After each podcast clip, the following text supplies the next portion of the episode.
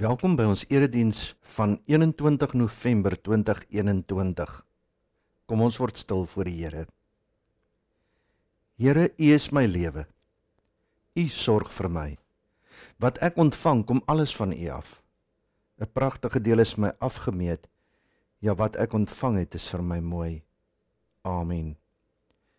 Ek groet julle in die naam van die Vader, en die Seun en die Heilige Gees. Kom ons bid saam. Vader, ons is hier om U te aanbid. Ons is hier om te erken dat U God is.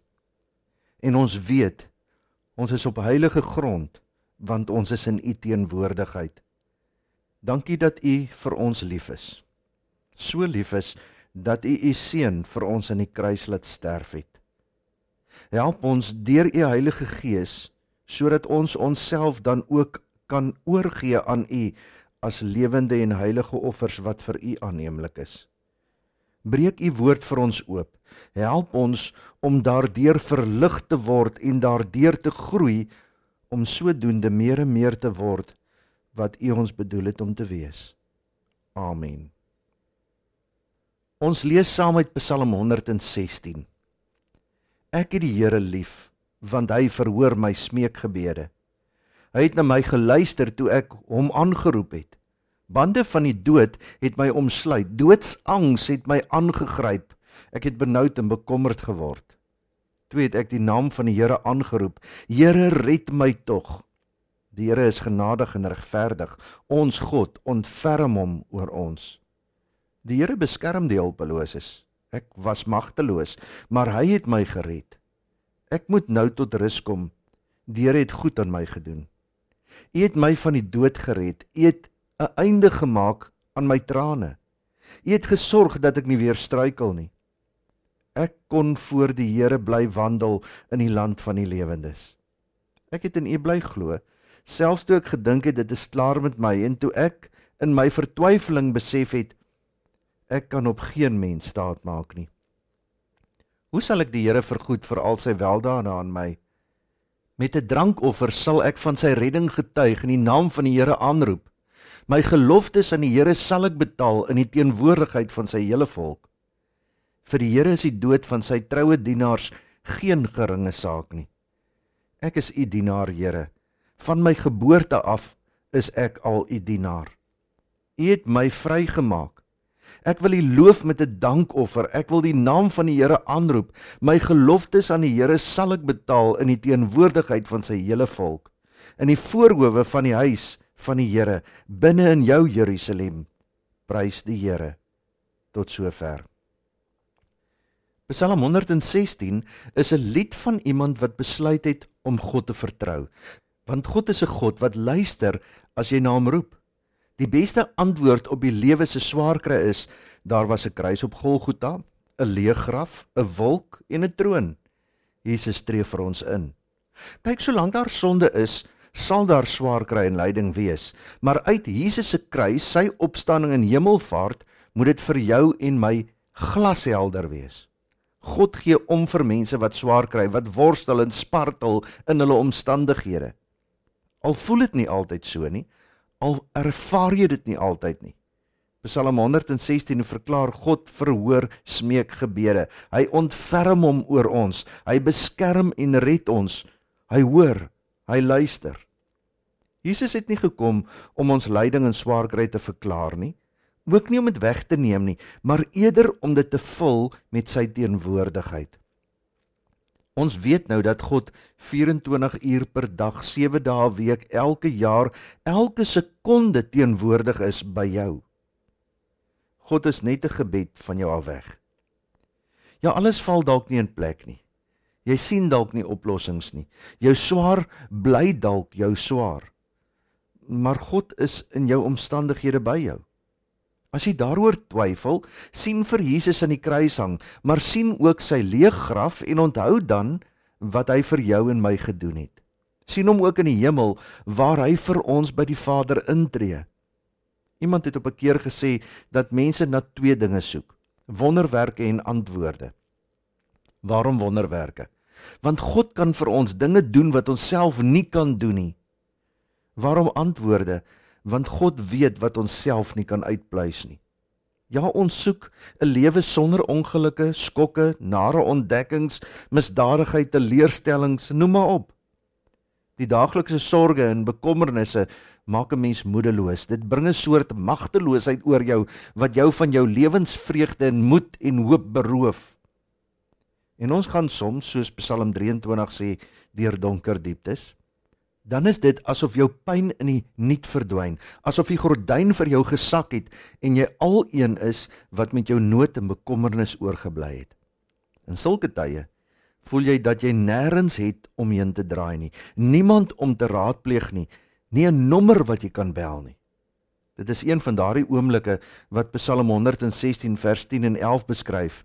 Ek het gedink dit is klaar met my toe ek in my vertwyfeling besef het ek kan op geen mens staat maak nie. 'n Enkele insident, 'n ontdekking, onverwagse nuus kan jou lewe totaal en al omgooi. Jou krisis kan so groot wees dat jy saam met Psalm 116 'n gevoel kry van die bande van die dood het my kom omsluit en daar's niemand wat ek kan op staat maak nie.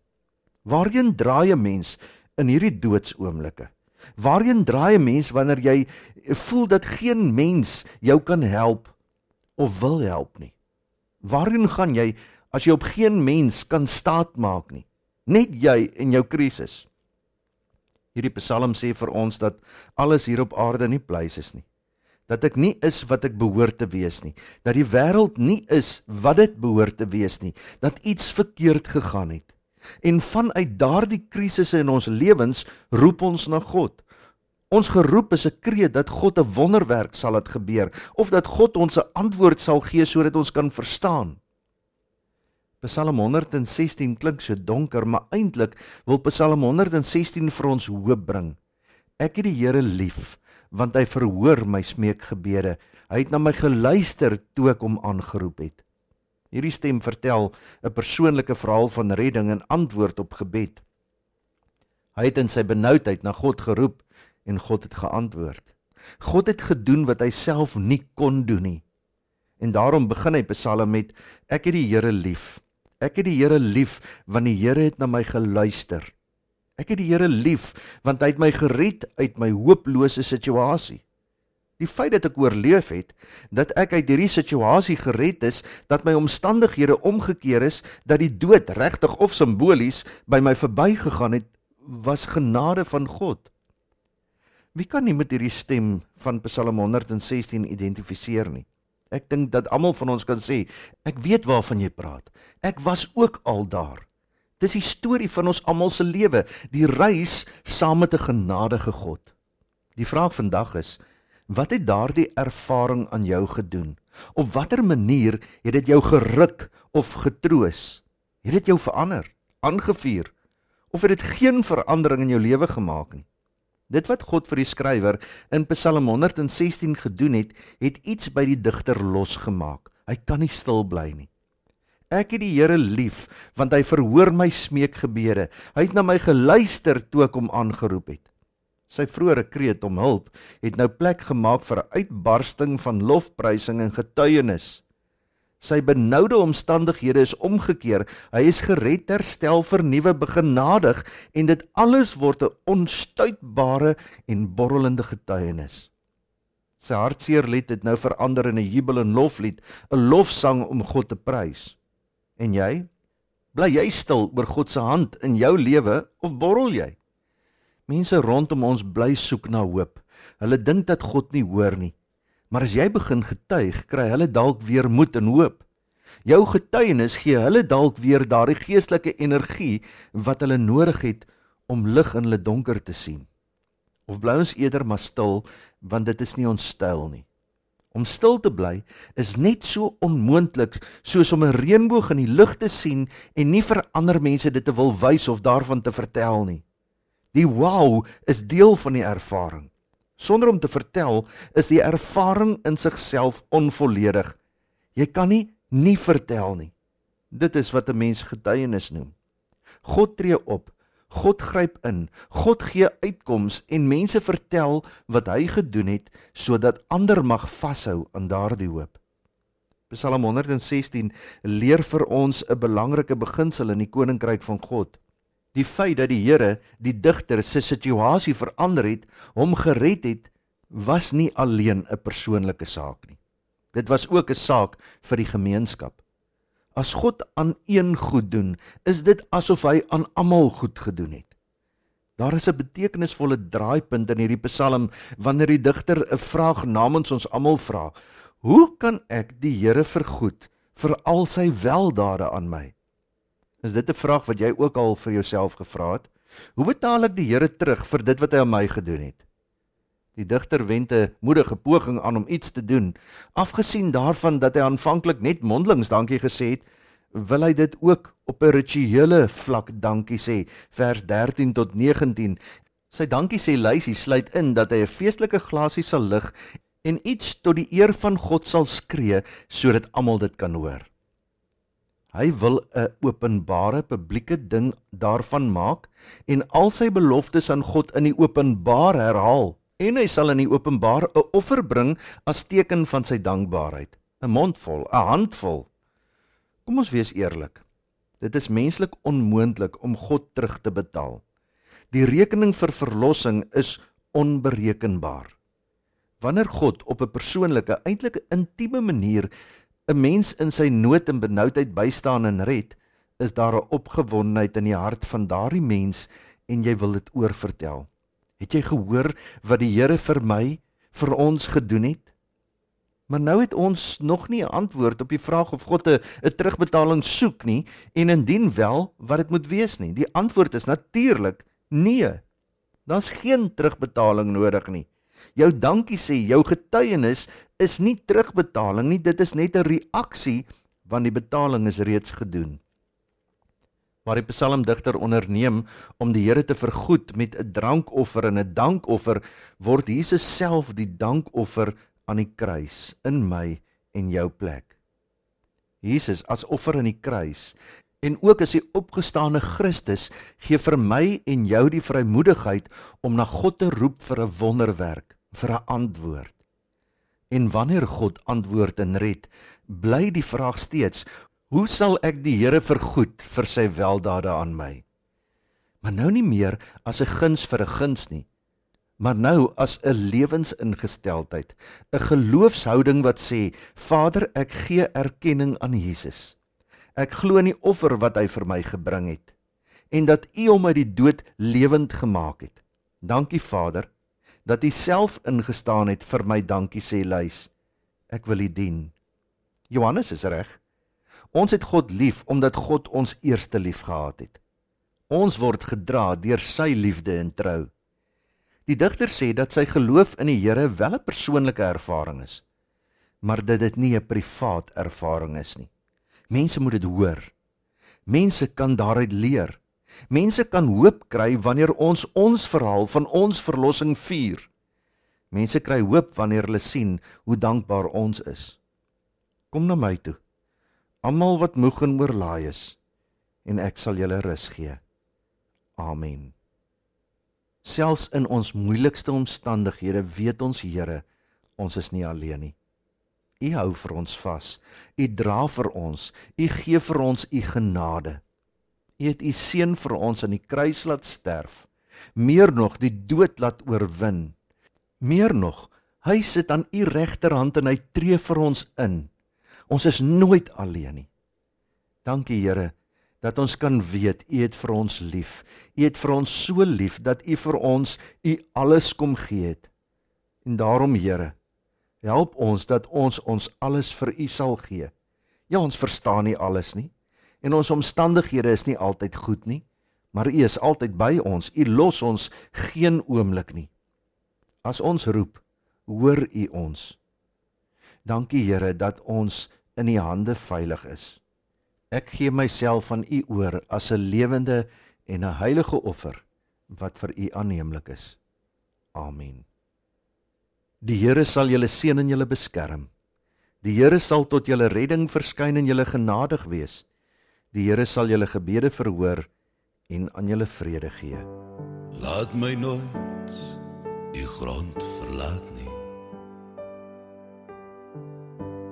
Laat my in die skadu bly.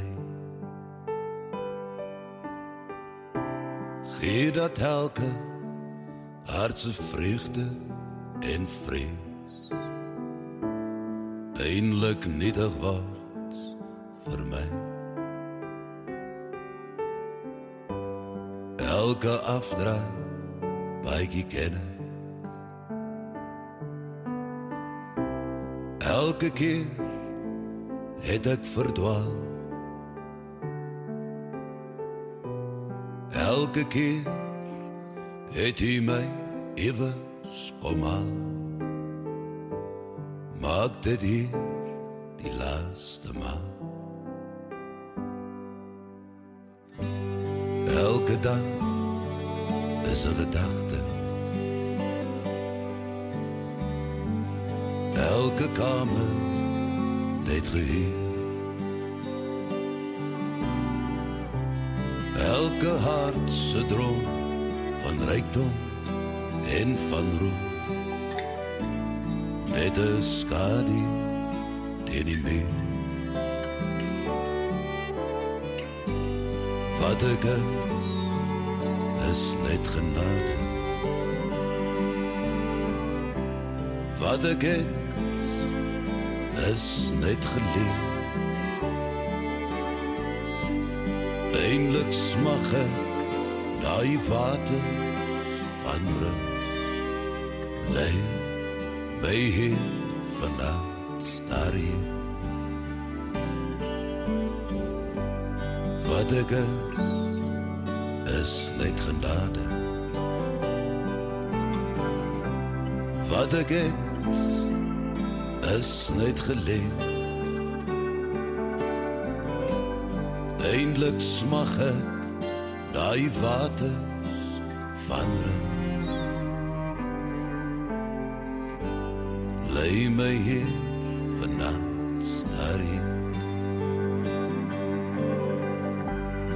Eindelik smag ek daai water van rus.